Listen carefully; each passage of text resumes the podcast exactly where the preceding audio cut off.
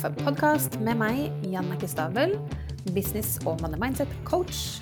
Heng på for en prat om businessstrategi, penger og money mindset, og ikke minst det å sjonglere businessen vår med livet ellers.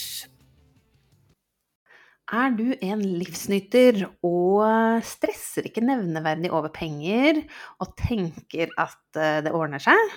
Ja, da kan det tenkes at du har den romantiske pengearketypen langt opp og kanskje blant dine topp tre. Du er sjenerøs både når det kommer til deg selv, men også med de rundt deg. Og du er opptatt av velbehag og av å nyte det livet har å by på. Også det som kan kjøpes for penger. Være seg gode matopplevelser, gå til å spise, være på ferier eller inn i businessen din. Bruke litt penger på et event f.eks., så kan det være at ting skal føles og se bra ut. Så location er viktig for deg, og at eh, de skrivebøkene eller de pennene eller det du har i eventet ditt, det er ikke bare en hvitkladdebok, det er kanskje et fint omslag på den, eller noe logo eller noe farge eller et eller annet som gjør at det er det lille ekstra. Ikke det at du trenger å dra det helt ut, og at det bare må være lyks, lyks, lyks. Jeg er ikke så opptatt av merker, f.eks., som celebrity-pengearketypen. Kan være det, men, men mer den derre at det skal, skal, se og føles bra ut. Og det kjenner jeg meg godt igjen i. Jeg har den romantiske på tredjeplass.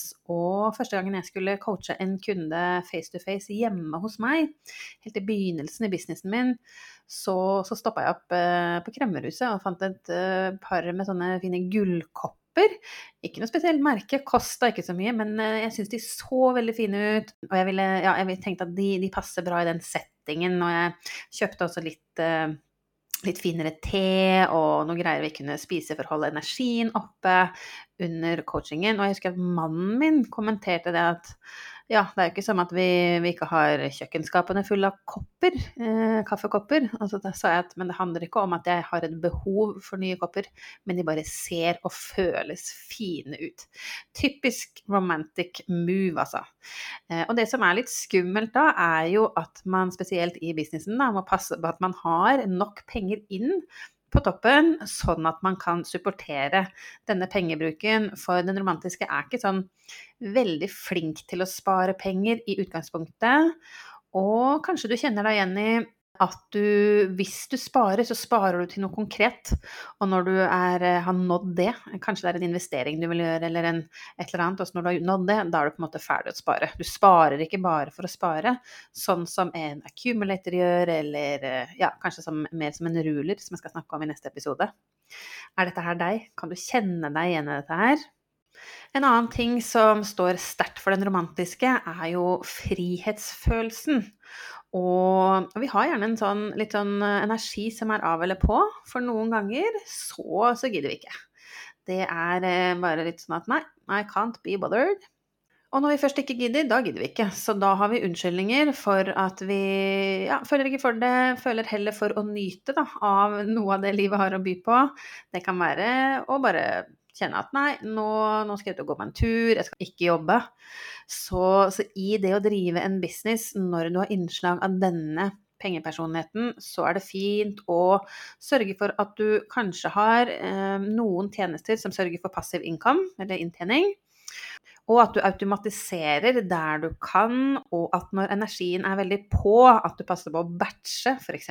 innholdet ditt til sosiale medier, eller for meg i denne settingen det å spille inn podkastepisoder, sånn at jeg har noe å gå på når energien min sier nei, nå gidder jeg ikke, nå har jeg lyst til å gjøre noe annet enn å jobbe.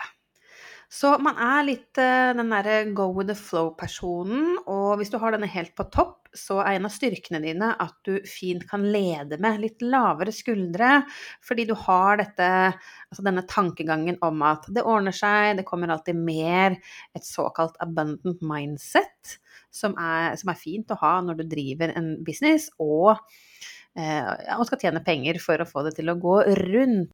Men så er det jo litt sånn da at det er viktig for den romantiske å ikke bikke over i å bruke for mye penger, for ja, det er fint å nyte av det livet har å by på, eller i businessen din, da, i et event eller et prosjekt eller ja, en tjeneste du har med kundene dine, at det ikke går over styr, og at du bruker for mye penger, at du passer på økonomien i hvert prosjekt, og selvfølgelig overordna i, i, hele businessen din. Ha god økonomistyring. Og det er jo ikke noe som ligger den romantiske sånn veldig nært i utgangspunktet. Så det, sant, når du er i styrkene dine, tenker at det alltid blir mer, er sjenerøs med andre, så er jo faren også at du kan bruke for mye penger. Så, så ha en lite øye på det hvis du kjenner at ja, dette her er kanskje meg, at du har god oversikt over det økonomiske. Og hvis du ikke er så glad i det, pass på at du får hjelp til det. At du har en businesspartner som tar seg av det økonomiske, eller at du har en regnskapsfører, eller en VEA som hjelper deg med det økonomiske, eller et eller annet sånt. Sånn at du ikke bruker som en unnskyldning at ah, 'jeg er ikke så god med penger, jeg', og så går det litt skeis, og så finner du at 'oi, her er det ikke så mye penger igjen i kassa på slutten av året', f.eks. For det er, jo, altså utgangspunktet fint å kanskje ikke ha det, pengene helt sånn top of mind, at det er det som betyr noe, men vi er, som jeg messer om dag ut og dagen, vi er nødt til å, å tjene penger og skape profitt i businessen vår, sånn at den overlever, sånn at den går rundt, og sånn at vi kan fortsette å drive den og fortsette å hjelpe de folka som vi brenner for å hjelpe. Så, så, ha et ekstra øye der hvis du kjenner at dette her er meg. Og hvis du ikke vet, så ta pengearketypetesten og finn ut hvem du har blant dine topp tre. Og har du den romantiske, så kan du se litt på hvilke to andre har du sammen med den i toppen, for det spiller jo inn. La oss si at du har den romantiske sammen med alkymisten, f.eks. Alkymisten står for dette her med ideer, og er god på å generere mye ideer. Men når man først har satt den ideen ut i livet, så er man litt ferdig og on to the next. Så hvis man har disse i kombinasjon, så bør man definitivt ikke ha veldig mye oppfølging f.eks. av møtereferater eller sånne ting, for det vil dra ned energien, og så blir det bare en sånn veldig tung måte å jobbe på, for du driver ikke businessen din på best mulig måte for deg selv, og så blir det ikke noe gøy i lengden, rett og slett. Så bruk tiden framover nå, gå inn og hør på de episodene som ligger her, og, og jobb litt med at du, at du lener deg inn mot styrkene dine framfor at du ender ut på skyggesiden. Takk for at du hører på Coach og kaffe. Og hvis du liker det du hører, blir jeg supertakknemlig hvis du kan sette av et lite minutt til å gå inn nå og gi meg en god rating, så flere som deg kan dra nytte av denne podkasten. Og med det så gleder jeg meg til vi høres i neste episode.